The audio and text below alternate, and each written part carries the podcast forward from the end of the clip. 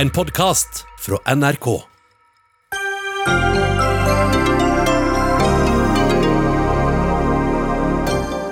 Norge sender 25 millioner kroner og 40 tonn medisinsk utstyr etter eksplosjonene i Beirut.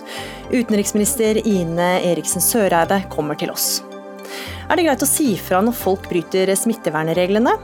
Kommuneoverlege politianmeldte mann som ikke gikk i karantene, mens politiker frykter sladrekultur. Til tross for korona har det aldri vært dyrere å kjøpe bolig i Norge. Dagens boligpolitikk gjør de rikeste rikere, sier banktopp. Og nordmenn på reise er som en saueflokk. Vi lar oss fjernstyre til steder som gir mest oppmerksomhet i sosiale medier, mener globetrotter.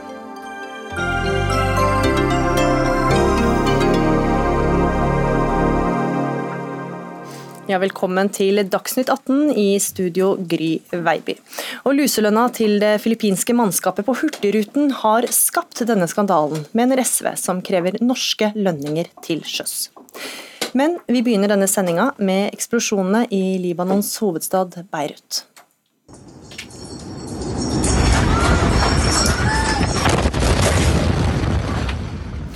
Hele himmelen blir farga i en enorm sky som spredte seg over byen i går kveld.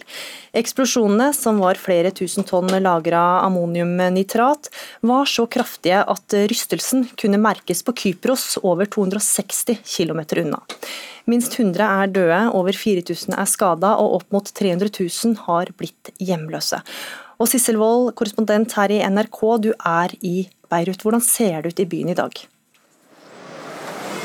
Ja, hvis dere ser bak meg her, så er det jo fullt av liv. Masse folk ute. Her er det hjelpeorganisasjoner som har satt opp forskjellige telt for å gi folk hjelp. Det er veteraner fra militæret, det er eh, andre organisasjoner. det det Røde Halvmåne, og folk strømmer til for å si fra hva de trenger av hjelp. I morges var stemningen ganske annen. Da var folk veldig matte, men nå er det mange som går rundt med feiekoster og er i gang spader er i gang med å rydde. Men det som preger byen, det er også søppelkonteinere som er overfylte fordi at folk eh, må kaste masse som er ødelagt. Og det er også hauger med glasskår rundt omkring i hele byen.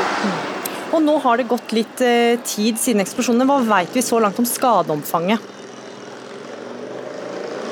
Jeg hørte at eh, Beiruts guvernør sa at eh, det er eh, verdier for rundt 3 milliarder dollar som er ødelagt. Og det er jo klart at også de menneskelige altså sjokkskadene etter denne voldsomme, voldsomme eksplosjonen har jo gjort at folk er blitt traumatiske og virkelig eh, bokstavelig talt eh, rystet. Så skadeomfanget er jo mye større eh, enn det man kanskje kan si i dollar. Men problemet er også at hele dette moderne sentrum som ble bygget opp etter borgerkrigen, er eh, ødelagt. Bygningene står, men eh, inventaret er ødelagt i et enormt område. Og så kommer det meldinger om at offentlige tjenestemenn er satt i husarrest fordi de har visst om eksplosjonsfaren uten å gjøre noe med det. Hva vet du om det? Ja, det, Regjeringen har funnet ut at de skal sitte i husarrest, de som har vært ansvarlig for eh, havnelageret der nede.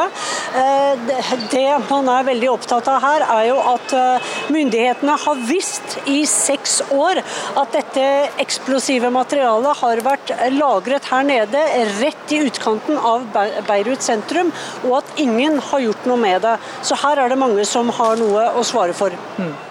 Og Sissel Wold, helt til slutt, altså Du var i byen da det smalt i går. Eh, hvordan eh, opplevde du eksplosjonene?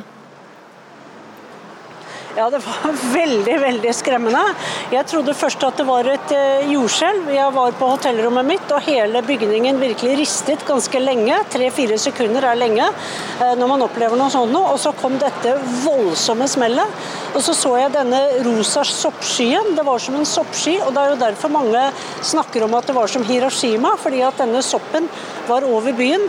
Og så var det veldig mye røyk rundt omkring, og full forvirring. Virkelig full forvirring. Enorme eksplosjoner, altså. Ine Eriksen Søreide, utenriksminister. Hvordan reagerte du da du så eh, disse eksplosjonene i Beirut? Det er jo en helt bunnløs tragedie, og den kommer jo på toppen av en allerede ekstremt vanskelig situasjon i Libanon, med langvarig både økonomisk nedgang og politisk uro, i tillegg til at de selvfølgelig også er hardt ramma av pandemien. Og, og, huser jo også en million syriske flyktninger, eh, de huser også mange palestinske flyktninger, og er generelt i en veldig sårbar situasjon. Hmm. Du holdt en pressekonferanse i dag eh, der du fortalte hva Norge vil gjøre, og du sa også at du skulle snakke med Libanons utenriksminister utenriksminister. Hva ble sagt i denne samtalen?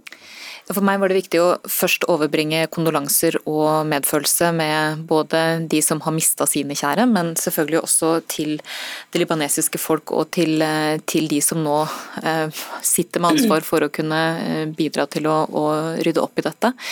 Og samtidig understreke at Norge er en langsiktig partner som eh, både har bevilga store summer, nesten en halv milliard, til Libanon så langt i år, men som nå svarer på den henvendelsen vi fikk i dag om medisinsk utstyr, rett og slett fordi Tre store sykehus er ødelagt i nærheten av havna, og et stort lager for medisinsk utstyr er eh, tapt.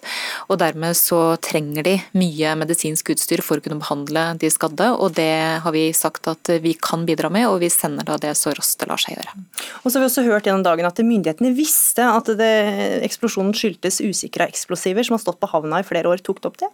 Ja, det var, det var også en del av det jeg snakka med utenriksministeren om, om de hadde kommet noe nærmere en forklaring på hvorfor og hvordan det kunne skje. og Det er selvfølgelig veldig tidlig ennå siden dette skjedde i går, men han var inne på mange av de samme forklaringsfaktorene, nemlig at dette skipet hadde ligget til kai i Beirut eh, siden 2013, og at det var kjent hva det inneholdt. Eh, og så er det klart Den videre etterforskninga vil jo avdekke hvem som er ansvarlig, men det var ingen tvil om at de som var ansvarlig, kom til å bli holdt ansvarlig for dette. Hvilket ansvar har libanesiske myndigheter? Ja, jeg mener Det er for tidlig å si noe om det før man veit hele hendelsesforløpet, men han la heller ikke skjul på i samtalen med meg at dette var noe de tok eh, veldig alvorlig, og at det åpenbart eh, var eh, noe som hadde både vært der lenge og som hadde vært kjent over lengre tid uten at man da hadde gjort noe med det. Og, jeg var også opptatt av å høre med han hvilke umiddelbare behov han så at de hadde nå. og Det er klart det er tidlig ennå, det er, det er et døgn siden dette skjedde. Men han pekte jo på medisinsk utstyr først og fremst, rett og slett fordi at det er en helt akutt situasjon. Eh, deretter på eh, både mat og, eh, og husly, og særlig fordi at flere kornlagre har jo også gått med her. og Det betyr at de har sannsynligvis et nokså akutt behov for, for korn for å kunne brødfø befolkninga. Mm. Og også da gjenoppbygging, men det er jo noe som kommer litt senere. og Vi er jo veldig opptatt av å ha fortsatt nær dialog med våre humanitære partnere som er på bakken i Libanon. fordi akkurat nå er det ikke så lett å ha oversikt over hva behovene vil være om en måned eller om, om, et år.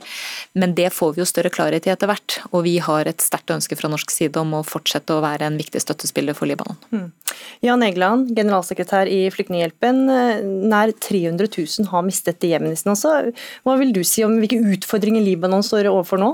I denne akutte situasjonen? Ja, nå er det virkelig bunnløse utfordringer. Eh, vi i Flyktninghjelpen er en av de største aktørene. Der vi har 500 hjelpearbeidere.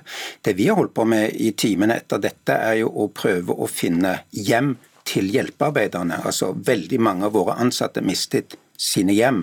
Våre kontorer ble blåst i stykker av sjokkbølgen. Eh, samtidig som vi som utenriksministeren er, er inne på, har eh, pågående hjelpeprogrammer for halvannen million flyktninger, syriske og palestinske. Så eh, altså, Libanon trenger politisk, eh, økonomisk, humanitær hjelp umiddelbart. Det er også i en, i en uh, fryktelig uh, koronaviruspandemi. Den uh, utvikla seg helt eksplosivt. Så sykehussengene var jo opptatt av koronapasienter. Mm de sykehusene som ikke ble ødelagt av, av, denne bølgen. Så ønsker vi at eh, Libanon skal bestå som en stat som har vært faktisk en liten øy av stabilitet mellom Israel og eh, Syria nå noen år, så må veldig mye skje i de neste månedene. og Jeg, jeg håper kanskje at Norge kan være med på å ta, ha en giverlandskonferanse, slik at eh, ikke minst Europa tar en ledelse her. For uh, Søreide varsla i dag at Norge vil sette av 25 millioner kroner til den akutte fasen og sende 40 tonn med medisinsk utstyr. Hva tenker du om det? Ja, Det er veldig, veldig bra. Eh, altså, Norge er veldig bra på det humanitære feltet. De har mange gode instrumenter. Norske ambassaden er aktiv, en veldig god medspiller. Det jeg håper er òg disse politiske, økonomiske initiativene som kan få andre med Eh, med, med, nå til en redningsoperasjon for Libanon. Jeg er mindre kanskje optimistisk enn det du er, hva, hva din motpart, eh, utenriksministeren og andre, kan gjøre. Det har vært en politisk handlingslammelse nå i Libanon i over et år. Eh, ingenting har, har, har, har flyttet på seg. De tok imot halvannen million flyktninger da Europa stengte sine grenser. Eh, Iran og Gulflandene de ønsker å komme inn de vil også være konfliktdrivende og ikke, mm. ikke dempende. Så eh, her må Europa eh, gå foran, og, og, og Norge viser veldig gode takter. Ja, da jeg snakka med utenriksministeren, så var jo også et eh, vesentlig poeng at han har vært utenriksminister i to dager nettopp pga. den politiske ustabiliteten som, eh, nå, som, Libanon har vært utsatt for nå i, i ganske lang tid. Eh, og vi er ganske bekymra for at den stabiliteten som vi er avhengig av i regionen, er ytterligere under press. Det skal lite til i Midtøsten før ting eh, blir veldig ustabilt. Og en av årsakene til at vi har brukt eh, store summer de siste årene på støtte til Libanon for å huse syriske flyktninger, er jo nettopp også for å bidra til stabilitet. Og en av de utfordringene vi ser nå, er at eh, her kan flere brikker begynne å flytte på seg. Og I tillegg så ser vi at den havna som nå er fullstendig ødelagt, ikke bare var den viktigste innfallsporten til mat og nødvendige basisvarer for libanesere, men også den viktigste måten vi og våre partnere har fått inn humanitær hjelp til Syria. Så vi må også tenke nytt om hvordan vi nå skal kunne hjelpe hele regionen på den måten vi har kunnet gjøre til nå. Men hvordan kan man sikre at eh, utstyr og penger kommer i riktige hender i et land som du sier utenriksministeren har vært der i to dager? Jo, altså Først og fremst er jo den akutte hjelpa vi yter nå, den gir vi jo gjennom våre gode, stabile partnere. Eh, Flyktninghjelp er eh, en av dem, og det er flere andre eh, som vi bidrar sammen med, som FN-systemet, Røde Kors-systemet osv. Og, og det er viktig fordi vi er avhengig av at hjelpa kommer fram, og at den kommer fram raskt. Og det har ikke blitt noe enklere i den situasjonen som nå har oppstått. Mm. Rett og slett fordi mulighetene til å fysisk få inn hjelp har blitt mindre. Og det apparatet som skal kunne håndtere håndtere og ta imot hjelpa, er selvfølgelig også veldig sårbart og veldig utsatt. Tine Gade, seniorforsker ved Norsk utenrikspolitisk eh, institutt. Flere ganger i dag så har vi hørt at denne eksplosjonen kunne ikke ha kommet på verre tidspunkt, eller disse eksplosjonene. Hva er bakgrunnen for det? Eh, nei, Som utenriksministeren akkurat sa, så kom jo denne forferdelige tragedien på toppen av et sammensurium av ulike kriser Libanon har stått i de senere årene. En økonomisk og finanskrise som ble veldig tydelig i mars i år, da regjeringen erklærte at eh, de for første gang ikke kunne betale på gjelden, avdrag på gjelden. Um, så de har erklært seg bankerott. Um, og forhandlinger med Det internasjonale pengefondet har gått i stå, uh, rett og slett fordi det er så mye problemer internt i den libanesiske delegasjonen. Ehm, dette kommer på toppen av eh, Sterk, eh, det er veldig vanskelig Det er sterke restriksjoner på å ta ut eh, dollar i Libanon. Eh, folk får ikke tilgang til sparepengene sine, eh, noe som har ført til at mange bedrifter har måttet stenge. Folk har mistet jobbene sine, mistet lønningene sine. Og det har vært en kampanje på sosiale medier de siste månedene hvor folk har vist de tomme kjøleskapene sine. Så det er rett og slett eh, veldig gru, grusomt å se. Og som også nevnt, så kommer dette også i tillegg til en politisk krise som er viklet sammen med, med det hele, og som nå risikerer å forsterkes ytterligere. Mm.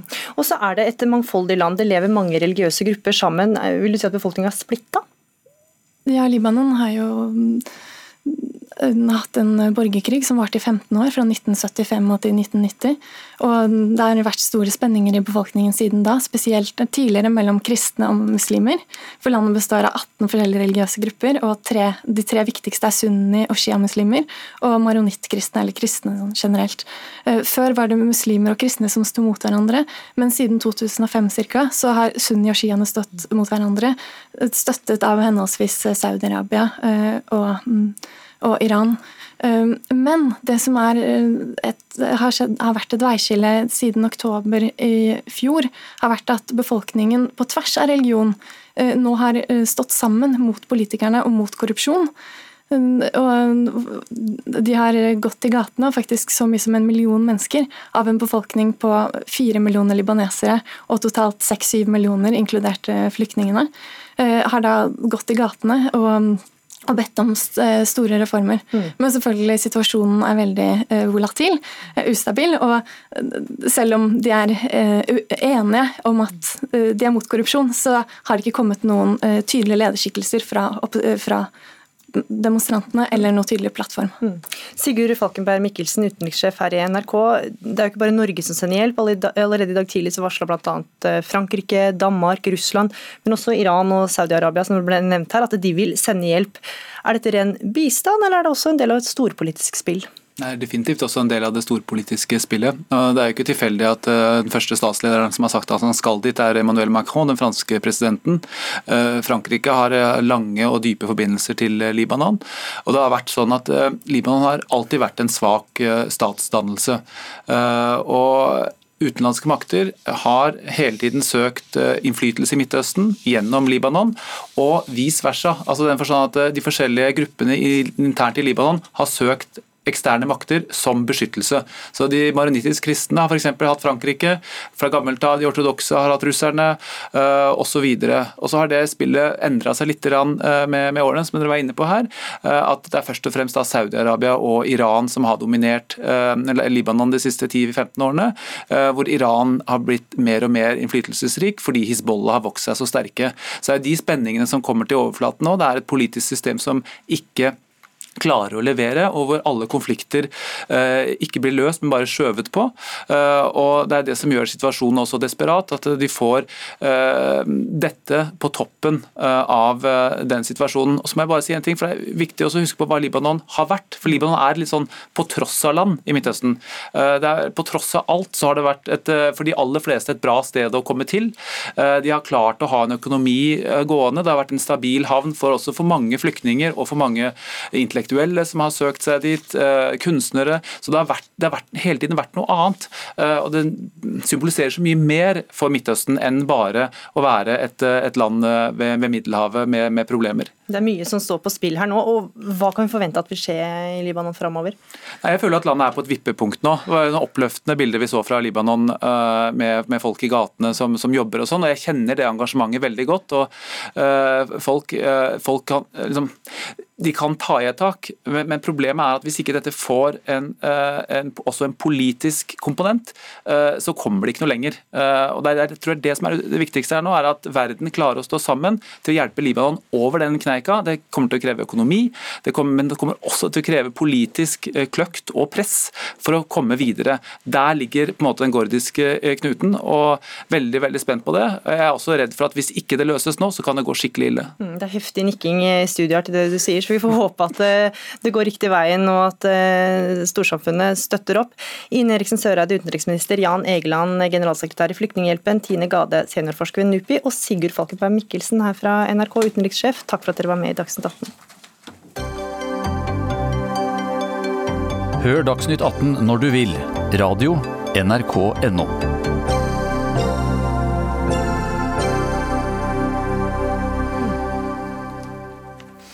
har du, som jeg, sett bilde etter bilde i sosiale medier av Prekestolen i soloppgang, det grønne gjendevannet ved Besseggen og kajakkpadling i Lofoten? Ja, for selv om vi har måttet feriere i Norge i år, virker det ikke som det har gjort oss mer kreative valg av reisemål. Nordmenn er som en saueflokk på tur, mener Globetrotter. Og slikt blir det debatt av litt seinere i sendinga. For nå skal det handle om boligpriser, for det har aldri vært dyrere å kjøpe bolig i Norge enn nå. Det viser ferske tall fra Eiendom Norge, og til tross for koronakrisa er det altså et brennhett boligmarked.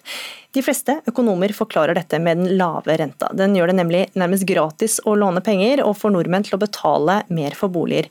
Men Endre Jo Reite, du er direktør eh, for privatmarked i BN eh, Bank. Du er også doktorgradsstipendiat ved NTNU. Du skriver en ytring på nrk.no at politikerne bare hjelper dem med tjukkest lommebok. Hvordan gjør de det, mener du? I forbindelse med koronakrisen så ble bankene gitt en økt fleksibilitet til å gjøre eh, avvik fra boliglånsforskriften. Boliglånsforskriften bestemmer jo at man kan låne maksimalt 85% av boligverdi og fem ganger inntekt bl.a.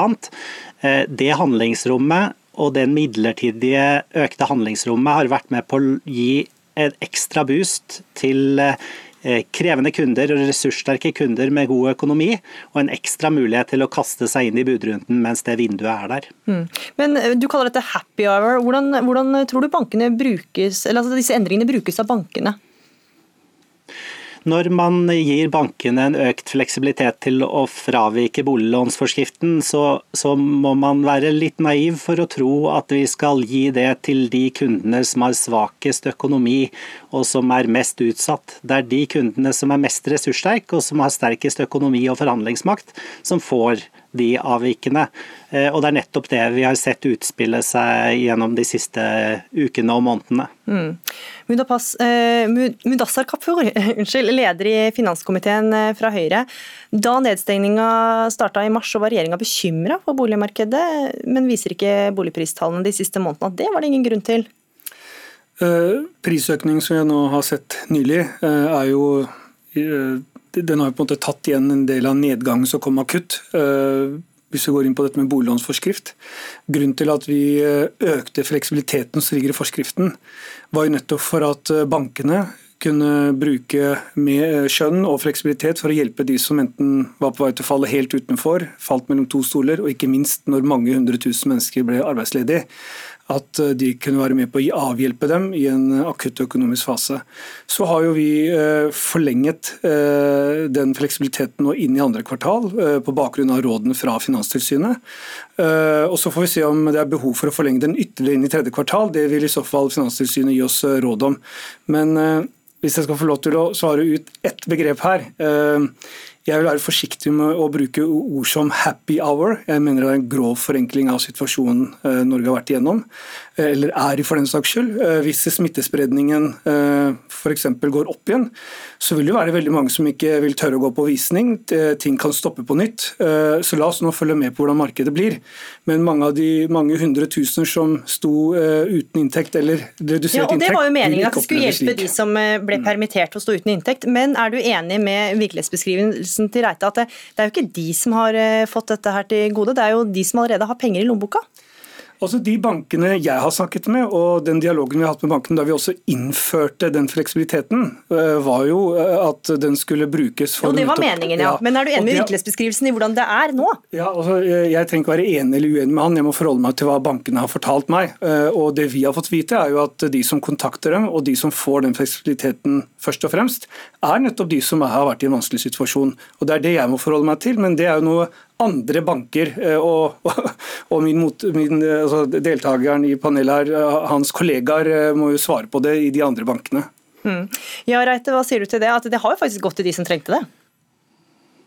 Det har i svært liten grad gått til de som trengte det, og bankene trengte heller ikke en økt fleksibilitetskvote for å hjelpe kunder i en vanskelig situasjon.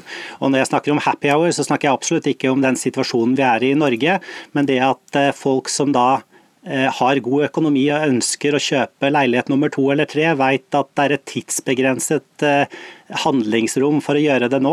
Ehm, og at det er en ekstra mulighet eh, og lettere å få avvik i banken nå enn det det er hvis de kommer tilbake om noen måneder. Mm. Randi Mar Mariama, du er også fra en, vi skal høre fra en annen bank, og det er fra deg. Du er leder i personmarkedet i Nordea Norge. Hvordan vil du si at endringene i boliglånforskriften har virka for kundene deres? Jeg må begynne med å si at vår kredittpolicy har jo ikke endret seg. Så det å utøve godt bankkortverk, det gjør jo vi fortsatt selv under denne krisen. Og det er helt riktig, egentlig. Jeg er ikke enig i det Jo Endre sier. Altså vår, vi har brukt eh, denne fleksibiliteten i stor grad på de som trengte avdragsfrihet. Så vi har jo gått fra en situasjon hvor vi normalt kanskje har 2000-3000 kunder som har avdragsfrihet, til nå rundt 15 000 kunder som har avdragsfrihet.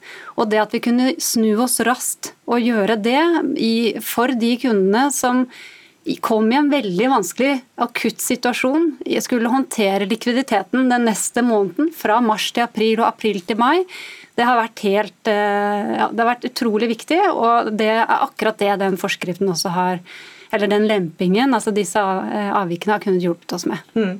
Ja, Reite, altså, Skulle bankene sagt nei da, til folk som er permittert eller venter på penger fra Nav? Nei, og vi trengte ikke det med den rammen vi hadde for fleksibilitet før heller. Eh, og vi hadde utmerket handlingsrom i forhold til hva, hva bankene praktiserte på avvik da for å hjelpe alle som var i en vanskelig situasjon. En presis regulering av at man f.eks. ikke skulle medregne den type avdragsfriheter i avvikskvoten, ville være en presist virkemiddel for å få til det politikerne ville. Sånn som det er nå, så er det et, en kamp mellom bankene og mellom de mest ressurssterke kundene, mellom bankene hvor eh, et avslag på lån eh, lett leder til at kunden forlater deg til fordel for en annen bank som strekker seg lenger og som bryter mot eh, boliglånsforskriften. Ja, Mariama, Hender det noen gang at Nordea bruker denne fleksibiliteten? altså Hjelper det kun mennesker i vanskelige situasjoner, eller hender det også at boliglåninvestorer får lettere lån nå? Nei, Vi har hatt veldig tydelige signaler på at dette skal være for de kundene som trenger det i den situasjonen. Så, og Vi kan også si at vi har ikke brukt maksimalt den, eh, den avvikskvoten som vi har eh, blitt tildelt. Eh, så det har vært en veldig sterk føring fra oss eh, i ledelsen og til våre rådgivere at dette skal hjelpe kunder som er i en vanskelig situasjon. Tenk deg, Du hadde jo også kunder som kom inn i mars som hadde hatt avdragsfrihet og som eh, skulle begynne å betale avdrag. Det er en situasjon hvor vi har måttet kunne hjelpe.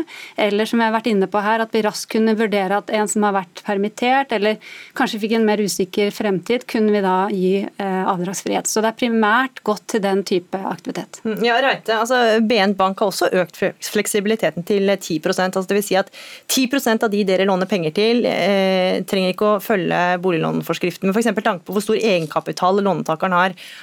Er ikke det da dere en del av dette problemet som du beskriver? Ja, vi er absolutt en del av problemet, og vi har strukket oss opp til, til eh, den gamle rammen når, når, vi har uh, fått et økt handlingsrom. Og vi merker at det er tungt i hverdagen å stå overfor typisk ressurssterke kunder som da har finansieringsbevis fra andre banker, og hvor du står i valget mellom å gjøre et avvik selv eller å la kunden gå til en annen bank. Mm. Um, og jeg er nok helt sikker på at vi, hvis man gikk inn og, og, kikket på det i de andre bankene, så ville det være rart hvis vi var en, eh, den eneste banken som oppfattet at det var sånn. Og så er det sikkert at, sånn at rapportene opp til toppledernes bord, der står det sikkert at man har gjort alt det etisk rette. Torgeir Knag eh, Fylkesnes, du er stortingsrepresentant eh, og nestleder i SV. Dere er langt på vei enige med Reite og mener boliglånsforskriften bør strammes inn. Men nå ser vi at smitten i landet øker eh, igjen, og i verste fall så går vi mot en ny nedstengning. Er det ikke litt tidlig å stramme inn nå? Nei, altså Hele utgangspunktet for at man hadde en sånn fleksibilitet, det var jo for å hjelpe de som eh, har dårligst økonomi i boligmarkedet. Altså ikke folk som, altså folk som tjener greit, har god inntekt, full jobb, men ikke har masse penger på konto og dermed kommer seg ikke inn. Hele, og når, Hvis det Reite sier er riktig, at her, eh, den fleksibiliteten og den utvidelsen av fleksibiliteten har skapt en dynamikk i bankene som har ført til at det er de som allerede er inne, de som er store kunder, de som tar opp store lån og investerer mye, fordi at bankene er redd for å miste den, den type kunder, og uh, i mindre grad henvende henvender seg til de som faktisk trenger det. Ja, da har vi jo et systematisk problem. og Der kommer vi på toppen av et boligmarked som jo virkelig rammer de som ikke har mange penger på, på bok i dag, mens de som er innafor, får store fordeler. Så jeg syns det er rart at Høyre ikke åpner i hvert fall øret bitte litt og lytter på det som kommer frem her. For øh, hele intensjonen med å øke fleksibiliteten var jo at det skulle komme de som ligger dårlig an i boligmarkedet fra før av, til gode. Og Hvis ikke det gjør det, og Høyre ønsker bare å fortsette å videreføre den praksisen her, ja, da mener jeg det er ganske avslørende for, eh, for, hva type boligpolitikk eh, Høyre fører i dette landet. her. Jakob Ore, du sier at du har snakket med eh, banker, men hvordan kan dere vite at bankene ikke benytter fleksibiliteten til å gi investorer mer lån? Altså, vi, vi, må jo stole på de tilbakemeldingene vi får. Eh, og Det er jo nettopp derfor vi også eh, alltid ber, eller Finansdepartementet ber Finanstilsynet å komme tilbake til departementet med råd om hvorvidt en slik eh, fleksibilitet skal fortsette eller ikke, og hvordan boliglånsforskriften skal se ut fremover. Og Det er nettopp for at vi skal kunne ta beslutninger på et objektivt og faglig godt grunnlag. Det er vårt utgangspunkt. Og så er det også sånn at Hvis man på en måte begynner å gjøre om på ting basert på bare månedlige tall, så vil man også skape en uforutsigbarhet i markedet både for bank og kunde. Eh, og eh, For å bruke denne logikken som nå eh, tas frem fra flere, vel, det er jo ikke sånn at boligprisene vil stoppe å gå opp hvis vi nå plutselig tar bort fleksibiliteten. Altså Det er helt andre ting også her som spiller en rolle. Renta har vært oppe, men også tilbudssiden. At vi fortsetter å bygge flere boliger, regulere mer. Alle de tingene er jo med på å skape en balanse i boligmarkedet.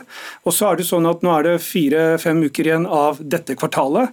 Og Så vil man jo mot slutten av august, starten av september, få et nytt råd fra Finanstilsynet og agere ut ifra det. Så det å allerede nå begynne å gjøre om på ting fordi at vi har uh, unnskyld uttrykket, en én enkeltstående debatt eh, basert på en enkeltstående, et enkeltstående utspill, det blir også, det, det blir også eh, litt useriøst eh, med tanke på at det er tusenvis av kunder og mange banker som nå forholder seg til dette regelverket. Mm.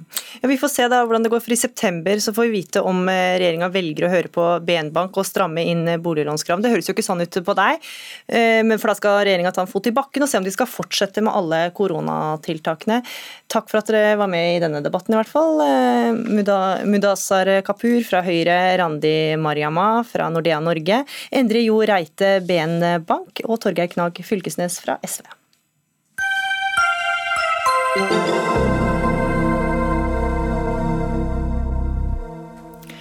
For første gang siden mars øker koronasmitten i Norge, ifølge Folkehelseinstituttet.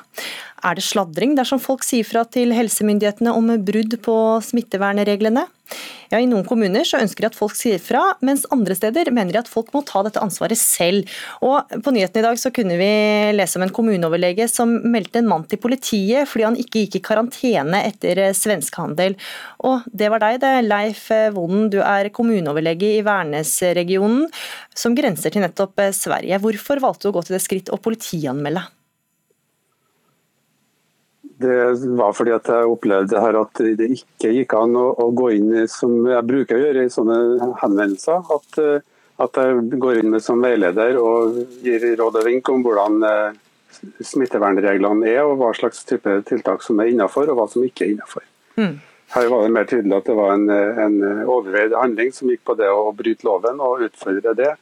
Eh, og jeg tenkte at det her kan ikke gå upåaktet hen. Det tok litt tid å bestemme seg. da. Hva sier du til de som mener at du sladrer? Eh, det mener jeg ikke er en god måte å tenke på det her. Vi er avhengig av tips og bekymringsmeldinger, og det får vi ganske jevnlig. Om ting som fungerer og ikke fungerer. og Det er klart at det er en nyttig måte for oss å orientere oss på hva som fungerer og hva, som bør vi, ta, hva vi bør ta tak i. I sørlandsbyen Kristiansand er eh, holdninga en helt annen, for der har du fungerende ordfører eh, Erik Rostoft fra Tverrpolitisk folkeliste sagt at du ikke vil ha det du kaller et trusselregime. Hva mener du med det? Med det så mener jeg jo at eh, selvfølgelig skal folk si fra. og I Kristiansand så får vi også daglige meldinger om brudd på, på reglement og råd. Og de selvfølgelig ettergår vi etter beste evne. Men denne pandemien kan vi ikke på en måte slå i hjel med bøter og straffer. Den er avhengig rett og slett av at vi som er enkeltindivider tar de riktige valgene. At vi stiller oss et spørsmål en gang til om dette er noe vi trenger å gjøre. Og at vi rett og slett tenker solidaritet framfor egoisme. Mm. Ja, Hva mener du Vonen burde gjort da, istedenfor å gå til det skrittet å politianmelde? Jeg skal ikke legge meg opp i hva, hva kommuneoverlegen eh, gjør der. og Vi har nok også en kommuneoverlege i Kristiansand som, som bruker mye tid sammen med virksomheter og, og, miljøer for å rådgi. og det er klart Vi kommer sikkert til å ilegge noen, noen straffer, vi også. Vi har bl.a. en oppfølging av utelivet, eh, som jo er ekstra tett. Men, men, eh, så det er, det er, ikke feil å ilegge reaksjoner. Men, men jeg tror jeg tror eh, Skal vi komme i mål på dette på noe som helst vis, så, vi, så må hvert enkelt individ ta et mye større ansvar for sine handlinger enn det som vi da har sett de siste ukene. Ja, så Hva konkret mener du da at vi skal gjøre da, som enkeltindivider? Nei, jeg tenker altså, vi, vi, har jo disse rådene som vi kjører med å holde ut, holde sammen og holde avstand. og, og det er klart at jeg, jeg, må jo si at jeg blir faktisk veldig provosert når det blir livesendinger, um, inklusivt NRK, på fly som land, om de lander 23.55 eller 005. Uh, og at staten får ansvar for å ha ødelagt ferien for uh, nordmenn som faktisk velger å dra til land som er helt i grenseland. Det syns jeg er rett og slett hodeløshet fra, fra oss som enkeltindivider. Ja, så vi, Når vi ser at noen bryter smittevernreglene, så burde vi heller gå bort til vedkommende og si fra, istedenfor å si videre? Ja, Poenget er jo selvfølgelig så skal vi, skal vi snakke med folk, men, men, det er jo sånn at hvis du går ikke inn i en butikk hvis du ser at det er overfylt. Du, du går ikke inn på et arrangement som du ser er overfylt. Eh, du gjør kanskje en vurdering om denne turen er nødvendig, og kan det gjøres digitalt i noen tilfeller. Det som er viktig, er at ikke denne pandemien eh, eskalerer pga. egoisme, og at vi egentlig bare har lyst til å ut og ha det litt fritt. Mm. Hvordan vurderte du det, å bare ta direkte kontakt med denne mannen framfor å politianmelde? Det gjorde jeg for så vidt. Eh, jeg tok ikke kontakt med han, for jeg så veldig tydelig at han hadde fått masse av de kommentarene som jeg også ville ha gitt ham uten at han viste noen tendens til å bøye seg etter det. Mm. Så det, det, betyr jo på en måte at, eh, at, eh, det var lost case i forhold til å gå inn som vanlig veileder til han. Hvilke ting er det du mener man bør melde fram da, og hva er det greit å la gå? Vonden? Det er veldig viktig å få beskjed om ting som fungerer og ikke fungerer. og Det som jeg tenker er vesentlig, er at jeg får tips og, og bekymringsmeldinger som sier meg hva er det, er det en spesiell type gruppe virksomheter eller grupper, personer eller andre som, som bør ha en type eh, ekstra innsats, så gjør vi gjerne det. og det er klart På denne måten så får vi vite om er det utesteder eller er det, er det ungdomsklubb eller, eller, ungdomsgjenger eller er det andre miljøer som faktisk da er uh, utslagsgivende for, for vesentlig trussel eller risiko for andre. Så er det klart at da, går vi direkte inn og, kontakter det miljøet vi snakker om. Mm. Rostoft eh, vil ikke virke preventivt eh, hvis du er litt slapp på smittevernreglene og vite at du kan bli anmeldt? Selvfølgelig er det det. Eh, og, dette, dette, går jo ikke på at det ikke vil bli noen reaksjoner. og Jeg mener nok at vi skal unnlate å, å gi reaksjoner på overlagte på si, omgåelser av regelverket. Men sånn er det hvis du lyver på selvangivelsen din nå, da får du straffeskatt. Så, så, det er naturlig. Men i dette tilfellet her så tror jeg at vi jobber i det offentlige hver dag for å balansere faren for smitte med det å holde hjulene i gang. Det dreier seg om arbeidsplasser, det dreier seg om næringsliv, det dreier seg om mest mulig normalitet. Og Da er vi avhengig av at folk rett og slett tar litt ansvar for handlinga. At ikke man bare sier at vi reiser til et land som vi er usikre på, men vi faktisk tenker at denne turen må vi ta neste år. Mm. Er du redd for et uh, angiversamfunn, eh, Rostoft? Ja, jeg, jeg blir det ikke i det hele tatt. Uh, og vi, vi, kommer ikke til å kunne komme videre hvis vi skal basere oss på at vi skal, den ene halvdelen av Norge skal kontrollere den andre halvdelen. Det går ikke. Mm. Ja, hvordan, hvordan, Hva sier du til det, da? Tilliten mellom mennesker, hvis man vet at folk kan følge med på deg og kan anmelde deg? Eh, hver enkelt innbygger er jo gitt en, en, tillit her for å følge regler og lover. Og, og det at vi har også en, en viktig ansvar for hver enkelt å, å la seg teste hvis det kjenner symptomer. Så det, det, er mange ting som er lagt over til ansvar til hver enkelt innbygger her. Men angiversamfunn, da? Angiversamfunn er jo ikke noe altså en, en frykt og, og, den typen eh, virkemidler er jeg ikke noe særlig interessert i. Det viktigste er på en måte å få veileda og få satt riktig kurs. og det er selvfølgelig det også man regner med da, Hvis en gjør ting feil, så må man regne med en reaksjon. Mm. Von, du sa at dere hadde fått inn eh, en, en eh, meldinger, altså, men har dere ressurser til å ta dere av alle tips? Eh, vi er jo forholdsvis begrensa i, i, antall innbyggere hos oss. så det er klart eh, de hverdagshendelsene som dukker opp og som gir oss tips, de er håndterbare. Mm. vi er en liten, en liten, enhet som jobber med smittevern, og vi har da flere muligheter for å hente opp og følge opp en del sånne ting. Mm. Rostoft, nå er det jo økt smitte i eh, samfunnet. Vil du revurdere? Altså, bør det være litt mer eh, angiveri da, når det faktisk øker? Nei, altså jeg, jeg, jeg, tror vi, uansett hvor mye vi angir og som sagt Vi får også daglige rapporter om, om brudd på, på, regler, og vi, vi, prøver å ettergå det så mye vi kan. Men det er viktig å på en måte realitetssjekke med hva som er mulig og hva som ikke er mulig. Mm. Og det er klart at hvis, hvis, innbyggerne i Norge ønsker å omgå råd fra statlige smittevernmyndigheter, så er det en bevisst handling, og da kommer vi ille ut alle sammen. Og nå, vi, og nå ser vi jo at eh, tallene går opp, som du sier. og, og Hvis ikke vi på en måte tar ansvar for egne handlinger nå, så vil det kunne potensielt få, som du sa tidligere, en, en ytterligere nedstenging faktisk av samfunnet. og det vil være Eh, dramatisk og få mye større konsekvenser. Mm. Denne debatten eh, kommer til å fortsette rundt kjøkkenbord rundt omkring i landet. Jeg kan nevne at Leif Wonds anmeldelse etterforskes nå og vil bli avklart innen kort tid, melder politiet. Og brudd på smitteverntiltak kan føre til bøter eller fengsel. Leif Vonden, kommuneoverlege i Værnes-regionen og Erik Rostoft, eh, fungerende ordfører i Kristiansand, takk for at dere var med i Dagsnytt 18.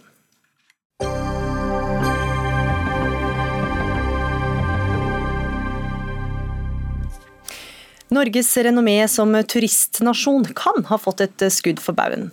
Mange utenlandske medier har de siste par dagene omtalt det omfattende smitteutbruddet på Hurtigruten, der 53 personer så langt er smitta.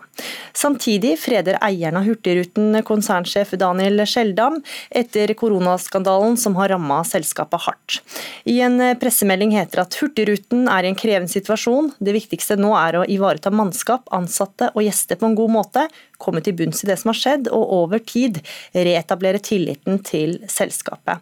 Stian Grøte, direktør for politikk og myndighetskontakt i Norsk Sjømannsforbund. Du reagerer på styrets uttalelse, hvorfor det? Jeg stiller meg i hvert fall eh, undrende. Eh, det er som programlederen eh, riktig påpekte i sin innledning her, så er Hurtigruten avhengig av å få tillit. Og Hurtigruten bør få tillit raskt. Det er den eneste måten å få våre folk, altså sjøfolk, tilbake i jobb. Det er jo de som betaler prisen for ledernes dårlige beslutninger i dag. Det er de som opplever å bli permittert, det er de som opplever inntektstap, det er de som opplever å få problemer med billån, huslån, alle de forpliktelsene som familien har. De som sitter på toppen og tjener mange, mange millioner, de klarer seg. Og jeg må si et samstemt Medie-Norge i dag, eh, så er reaksjonen at tilliten til Skjeldam, altså konsernsjefen, er svært, svært liten. Og Da stiller jeg meg spørsmålet hvordan styret i Hurtigruten kan grunngi at de nesten som eneste aktør i det norske samfunnet i dag sier at de har full tillit til konsernsjefen. Jeg forstår ikke det. Og jeg forstår heller ikke hvorfor ikke Trygve Hegnar, styreleder i Hurtigruten, kan komme og redegjøre for sin beslutning. Vi prater jo tross alt med en herremann som ikke akkurat eh, er redd for å gå i fjernsynsstudio når det gjelder alle andre saker. Både Hurtigruten og Trygve Hegnar har spurt eh, om å delta i denne saken og eh, takket nei. Iselin Nybø, næringsminister, du er med oss fra Svalbard, der du i dag har møtt flere representanter for norsk reiseliv. Hvilke tilbakemeldinger har du fått? Nei, Det er klart at eh, saken rundt Hurtigruta er jo noe som òg snakkes om her. Det er jo mange som er skuffa over at et selskap av Hurtigruten sitt kaliber ikke har håndtert dette på en eh, bedre måte. Men det som har vært fokuset her, har jo òg vært hva gjør vi framover? Hvordan sørger vi for at reiselivet kan reise seg igjen? Eh, både under korona, men òg etter korona. Mm, når du hører på de massive eh, eh, konsekvensene det vil få for eh, Norsk Sjømannsforbund her eh, akkurat eh, nevnte. Hva, hva tenker du om det? Nei, det er det å få et sånt tilfelle som vi har eh, sett nå. Det er klart at det gir et altså det gir en, en, et, et, inntrykk ut i verden. Og det, det, er ikke noe positivt verken for Hurtigruten eller for, for Norge som, som, turistdestinasjon. Samtidig er jeg opptatt av at selskapet nå må gjøre det de kan for å håndtere dette på best mulig måte. Og så må vi andre òg forholde oss til de reglene som gjelder, sånn at vi kan unngå at noe lignende skjer eh, framover. Mm. Torgeir Knag Fylkesnes, eh, fortsatt nestleder i SV og stortingsrepresentant. Eh, velkommen tilbake. Burde myndighetene tatt større ansvar for å informere om smitteutbruddet på Hurtigruten? Vi gransker det eh, nå. Eh, for det, jo, det, gikk jo flere dager før eh, eh fra myndighetene eh, opp, oppdaga smitten til den ga beskjed til selskapet, før de oppdaga senere, to dager senere at eh, Hurtigruta ikke fulgte opp de oppfordringene. Så her, vi, her, snakker vi rett og slett om en ganske defensiv innstilling fra helsemyndighetene i aller beste fall. og Foreløpig så har Hurtigruta tatt full skyld. De har tatt noen utrolig ulykksalige valg. Eh, en del systemfeil er det der også. Men spørsmålet er om helsemyndighetene sitter og eh, har en har inntatt en veldig passiv eh, rolle midt i en pandemi. Og Sånn kan vi jo ikke ha det. og I hvert fall ikke når det gjelder utbrudd på skip, som vi vet er eksplosiv. Det kan spre seg veldig raskt. og Siden de er avhengig av norske farvann, norsk infrastruktur, norske havner, så kan jo den type smitte gå rett over på land. Så hvorfor ikke alarmen har gått mye tydeligere i folkehelsemyndighetene, eh, og de har tatt grep eh, istedenfor å vente og se hva selskapet gjør, det, det vet vi fortsatt ikke eh, svaret på, og det er noe som vi kommer til å granske i SV. Mm. Nybø, også regjeringa ble varsla om mulig smitte. Burde ikke dere da tatt et selvstendig ansvar for å varsle passasjerer og befolkning? Altså, jeg ønsker ikke å uttale meg om eh, hva som har skjedd og hva helsemyndighetene burde ha gjort. Men det jeg vil si, det er jo at vi har tatt eh, et viktig grep når vi har eh, sagt at de neste 14 dagene så får ikke sånne kystcruise legge til kai hvis det er mer enn 100 folk om bord. Det er et grep som ikke bare får konsekvenser for Hurtigruten, men òg for andre som driver kystcruise langs norskekysten. Grunnen til at vi gjorde det, var jo nettopp fordi vi trenger å sette en fot i bakken. Vi trenger å se har de fulgt eh, regelverket her, og er regelverket vårt godt nok. Eh, så Vi har jo òg eh, gått aktivt inn nettopp for å forhindre at sånne ting som dette skal skje igjen, og, og kunne se og vurdere den situasjonen som vi står i nå. Men Nybø, forstår jeg deg sånn at da tar dere selvkritikk på at man burde kanskje ikke gi så mye tillit til et selskap med kommersielle interesser? Som sagt så ønsker ikke jeg å uttale meg om liksom hva helsemyndighetene burde ha gjort, men det er klart i vårt land så er det tusenvis av næringsdrivende. Vi er helt avhengige av at de forholder seg til de reglene som gjelder, at de gjennomfører eh, de bestemmelsene vi har satt. Og Så må vi gjennomgå det nå når vi ser at det har vært eh, sånne smitteutbrudd som dette. Og Så må vi òg se på er regelverket vårt godt nok. Bør vi stramme inn? Må vi gjøre endringer? Og Det er noe vi må se på hele veien. Og Det er jo nettopp derfor vi òg tok det grepet og, og, har sagt at de ikke får lov å gå til kai hvis det er mer enn 100 om bord. Hmm. Grøtte? Nei, jeg, bare, jeg skal ikke konkludere på hva helsemyndighetene har gjort og ikke gjort og burde gjøre. Det kommer sikkert mange til å gjøre i etterkant. Men jeg forstår det altså slik altså Når en kommersiell aktør får den tilliten fra storsamfunnet og starter opp igjen virksomheten, så må en jo forutsette at de gjør det de skal gjøre. Og Det har altså Hurtigruten ikke gjort. Og Det jeg legger spesielt merke til som provoserer meg kraftig, det er når da konsernleder etter kort, da, til slutt, etter å ha blitt pressa, innrømmer at han fikk informasjon allerede på onsdag mm. ettermiddag. Og så legger inn til neste setning, men han fikk ikke tilstrekkelig informasjon. Hvis du er konsernleder i Hurtigruten, så er det din plikt å etterspørre og stille så mange spørsmål at du har den hele og fulle bildet allerede onsdag kveld. Og Det gjorde ikke konsernlederen, og det har fått så store mm. følger. Nå hadde ikke konsernlederen eller eh, noen fra Hurtigruten mulighet til å være med, men Fylkesnes til avisa Klassekampen så sier du at eh, dere frykter luselønn til det filippinske mannskapet på MS Roald Amundsen har skapt denne skandalen, men mener du at dette ikke ville skjedd med et norsk mannskap? Det er veldig vanskelig å si. Eh, og Før man trekker den type konklusjoner, så, eh, så, må man jo først finne ut hvem som er pasient null. Men eh, det er jo, det er jo, et, det er jo et, faktum at mesteparten av de som har vært smitta her, er filippinere.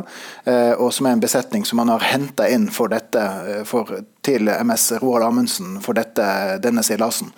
Og Det er jo fordi at vi har et system i Norge i dag der det er eh, lov for enkelte deler av flåten, eh, hvis de tilfredsstiller noen kriterier, å hente inn billig arbeidskraft på andre sida av jordkloden. Altså Du kan hente det fra et sånt globalt system av billig arbeidskraft, hente de inn, eh, samtidig som det, står masse sjøfolk på land, permittert, og ikke kan og rett og slett er for dyre for, for Hurtigruta bruke. Så de velger billig arbeidskraft istedenfor. Mm. Men det betyr da samtidig at du har gjort deg avhengig av en form for infrastruktur med mennesker som skal flyttes over store avstander rundt omkring i verden for å komme på skipet. Og det er jo åpenbart Eh, at det vil føre til økt smitterisiko. Og Dette har vi forsøkt å, å få endra på, vi har ikke fått støtte av regjeringa. Men nå, når vi står midt i en pandemi som ikke aner hvor lenge varer, så må vi avslutte den virksomheten der vi tillater eh, at det ikke skal være norske lønns- og arbeidsvilkår i norske farvann. For Det er det som effektivt stenger ute norske eh, sjøfolk, og sørger for at man henter folk fra, fra mm. land der det er veldig billig. Å, Jeg må dra inn en fjerde person her. Harald Solberg, du administrerende direktør i Norges Rederiforbund. Hva sier du til det at eh, norske lønninger eh, til eh, norske arbeidere? Eller til de som seiler under norsk flagg? Det skal jeg kommentere, men jeg vil først si at denne situasjonen er både beklagelig og alvorlig, og at er, vi som næring har et helt klart ansvar for å drive vår virksomhet mm. på en måte som ikke sprer smitte, verken mellom mannskap eller mellom mannskap og passasjerer, eller passasjerer imellom. Og da har du fått sagt det. Så og hvilke, vært, og hva, hva, tenker du om forslaget fra Fylkesnes? Ja. Og så til spørsmålet. Til spørsmålet så, eh, så er det helt klart helt avgjørende for norske rederier å kunne drive sin virksomhet i en internasjonal konkurranse på konkurransedyktige vilkår. og Da eh, innebærer det å kunne drive skip i NIS eh, med internasjonal besetning det er en helt avgjørende forutsetning for å kunne være konkurransedyktig internasjonalt på samme måten som vi også er veldig opptatt av å sikre konkurransedyktigheten til norske sjøfolk. Dette har vi klart å eh, drive en politikk på i Norge gjennom veldig mange år, og dette er helt avgjørende for å sikre at Norge fortsatt er en stor og viktig internasjonal sjøfartsnasjon. Ja, hvilke konsekvenser ville det fått da, hvis man skulle hatt norske lønninger til alle ansatte? Man ville ikke vært konkurransedyktig. Mm. Og man må huske på at denne eh, næringen vi her snakker om, den internasjonale cruisenæringen, de eh, seiler eh, i Norge nå om sommeren, og de seiler andre steder i verden resten av året. Og Den type virksomhet den er man ikke konkurransedyktig med på norske, med full norsk besetning. Fylkesnes, Hvordan skal Norge holde seg konkurransedyktig dersom vi betaler norske lønninger? Nei, Dette her er jo veldig enkelt. Eh, det, altså, hvis du befinner deg i norske farvann, så, eh, så, skal du gi norske lønns- og arbeidsvilkår. Det betyr at det er det som er konkurransearenaen. Det er da lik konkurranse for absolutt alle andre. Eh, det, er det som da blir reglene i norske farvann og på norsk sokkel. Og Dette har vært utreda av et regjeringsoppnevnt utvalg, det har vært utreda også av LO og Sjømannsforbundet osv. Og, og begge de utredningene kommer frem til at dette er fullt mulig å gjennomføre. Det er selvfølgelig noen utfordringer knytta til det, du kan ikke gjennomføre det på dagen, du må innfase på en smart måte. Men vi vet nå at dette kan vi gjøre. Og det eneste som da forhindrer en ja, vi kan gjøre det, men Hva med konkurransedyktigheten? Det, det, det, konkluderer man med at det er, altså siden man gjør dette for norsk farvann, så er det faktisk ikke en endring av konkurranse. Mm. Det vil da gjelde for alle som da befinner seg i norske farvann. Så det er ikke noe sånn, eh, Du konkurrerer for å si det sånn, du konkurrerer ikke med et cruise i Alaska eh, eh når du skal eh, i, i, rundt Svalbard. Eh, så dette vil da gjelde for alle som er i norske farvann. Så, og, la, og, muligheten for norske sjøfolk er jo enorm. Vi skal la Solberg svare på det. Ja. Ja, jeg vil svare på det, og det er veldig viktig. fordi Man kan ikke ha lønns- og arbeidsvilkår som varierer med hvilke farmann man opererer i. Man kan ikke seile med argentinsk lønn i argentinsk farvann hvis man er i Antarktis, og med norsk lønn i norske farvann. Derfor så har man etablert et system som baserer seg på at man har, kan ha internasjonale besetninger basert på nasjonale lønnsvilkår eh, og med tariffavtaler i bunn. Mm. Og Det er helt avgjørende. Det skal være ordna lønns- og arbeidsvilkår om bord på norske skip. og Derfor reiser Rederiforbundet sammen med sjømannsorganisasjonene organisasjonene rundt i verden og forhandler tariffavtaler for utenlandske sjøfolk fra tolv ulike nasjonaliteter, nettopp for å sikre at vi skal ha ordna lønns- og arbeidsvilkår om bord på norske skip. Mm, Grøtte. Ja, bare la oss rydde litt. altså Fylkesnes var innom det. er to store, tunge utredninger som er gjort den ene regi av regjeringen. Den sier både at det er juridisk mulig, men det er en annen interessant ting som er minst like interessant. Den sier at det er samfunnsmessig mest sannsynlig svært lurt å gjøre det her. Så til det eh, representanten fra rederne eh, anfører her, så må jeg jo si at jeg blir jo relativt provosert, for det er jo i beste fall bare vrøvl. Altså Det vi prater om her er virksomhet på norsk sokkel og på norsk kyst som går der stort sett hele tida. Det er det vi prater om, og rederne vil stille helt likt i konkurransen. Enten når norsk flagg, Bahamas flagg eller Korar, så stiller alle på lik linje, på samme måten som det er på land. På land så er det en selvfølge med norske lønns- og arbeidsvilkår. Det må jo selvsagt òg være for sjøfolk i norske farvann og på norsk sokkel. Og dette blir ikke siste gang vi debatterer dette. Takk for at dere var med i Dagsnytt 18. Stian Grøte fra Norsk Sjømannsforbund, Torgeir Knag Fylkesnes fra SV, Iselin Nybø fra Venstre og Harald Solberg fra Norges Rederiforbund.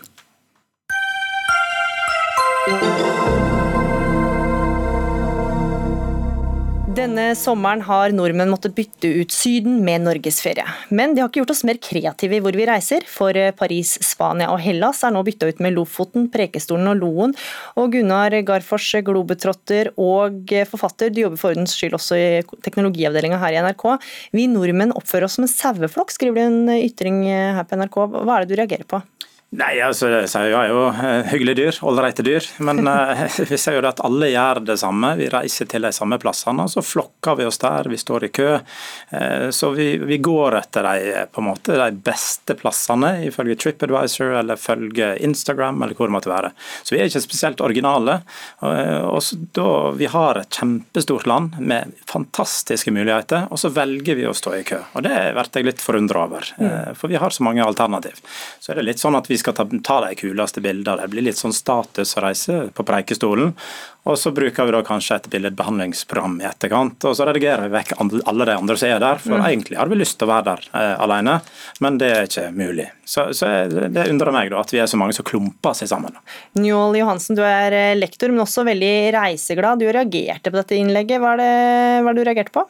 Jeg reagerer vel på, på, tonen i innlegget. Det høres jo veldig mildt og snilt ut med sauer er ålreite dyr, men han omtaler vel den flokken som drittunger på, på VIP-billett, og, og, har en del ganger sånn nedlatende omtaler av eh, nordmenn på fyllefest i Spania, som nå gjør det samme i Norge og sånn.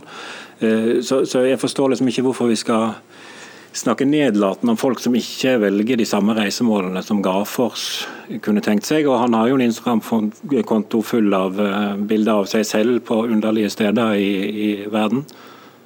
Jeg forstår liksom ikke tonen i, i, Jeg kan godt forstå at han vil reklamere for Norge som et fantastisk ferieland, men, men hvorfor skal han gjøre det på den måten, så nedlatende? Det forstår jeg ikke. Her har jeg vel satt ting på spissen og brukt en del sarkasme. Jeg ser at en del folk eh, reagerer eh, på det. Eh, jeg syns det blir litt merkelig altså, at folk skal da bruke disse reisemålene og bruke alle de samme som da et statussymbol. og Det er litt med det jeg sier med, med drittunger med, med VIP-billett. Eh, og så er det ikke, virker det da som det ikke er reisemålet i seg selv, det er ikke opplevelsene ute etter, men det er mer det å fortelle at en har vært der. Det går på hvor mange hjerter eller likes en får på ulike sosiale medier. Eh, vi reiser da, i sånn Vestlandet blir overfylt med Tesla og Jagara fra Østlandet eh, osv. Men hva er det vi burde gjort, da? Nei, vi har, altså, vi har, 104 byer, vi har 356 kommuner, vi har 320 000 øyer og skjær. Vi har verdens nest lengste kystlinje. Vi har så ufattelig mye. Og så tror jeg den reiselykka jeg tror den kan bli enda bedre, eller iallfall like stor, hvis vi da oppdager litt, eh, litt spesielle reisemål av oss sjøl. Og det Vi er verdensmestere gå på tur. altså det, Nordmenn går på tur, men akkurat nå i år, når vi da på en måte blir litt tvunget til å feriere i Norge, da trekker vi til akkurat de samme plassene. Der er det det dyrere å, reise, det blir dyrere å bo på hotell, det er dyrere med mat. En må kanskje parkere langt unna, betale mye for å parkere. Så, så jeg, det, det, virker helt fremmed for meg at vi nordmenn da tar med oss litt av disse vanene eh, fra utlandet, der vi er da verdens eh, rikeste folk. Det er vi som bruker mest penger per person å reise for. Eh, og de tar vi da med til Norge. Oppfører oss litt som, som for å sette det på spissen, og drittunger med VIP-billett på en opplevingspark. Ja, Johansen, Det virker jo ikke som vi har veldig mye fantasi heller når vi reiser, velger reisemål her hjemme, da? Nei, men jeg, men jeg syns ikke det er så rart. Altså, nå har jeg gått over Besseggen sjøl for noen år siden, og det er jo en fantastisk tur. Og, Hvorfor skal man ikke gå den? Altså, Lofoten er et nydelig sted.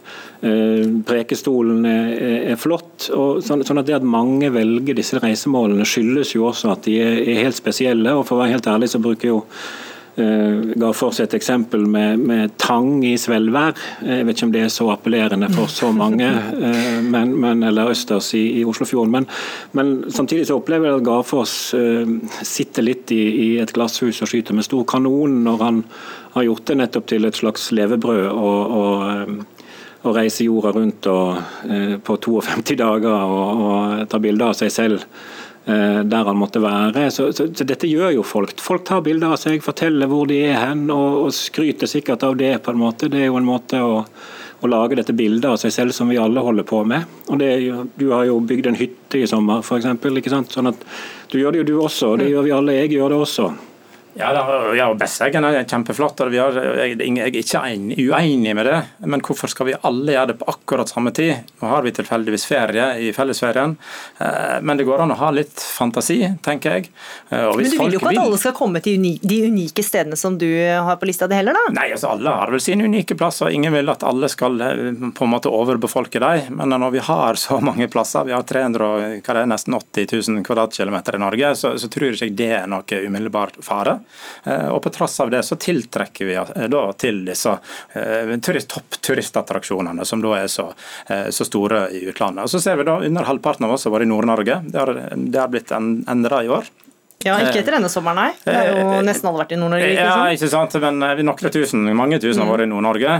Og vi, på en måte, vi er veldig stolte av midnattssola og nordlyset, som, blir, som får åtgaum etter seg rundt omkring i verden. Men vi har ikke vært der sjøl. Og nå har vi omsider mange av oss reist til Nord-Norge, og det syns jeg er kjempefint. Og så er det litt skuffende å se at vi da stimler sammen som klynge, f.eks. I, i, i Lofoten. Vi har Senja, vi har Ofoten, vi har Helgelandskysten osv. osv. Vi har altså Det er så mye Svalbard, mm. for å nevne noe. Vi får legge det inn på lista for neste år dersom restriksjonene fortsetter. Gunnar Garfors, globetrotter og forfatter, og Njål Johansen, lektor, takk for at dere var med i Dagsnytt 18, som er over for denne gang. Ansvarlig for sendinga det hadde Anne Katrine Førli, det tekniske ansvaret hadde Lisbeth Sellereite, og her i studio Gry Veiby.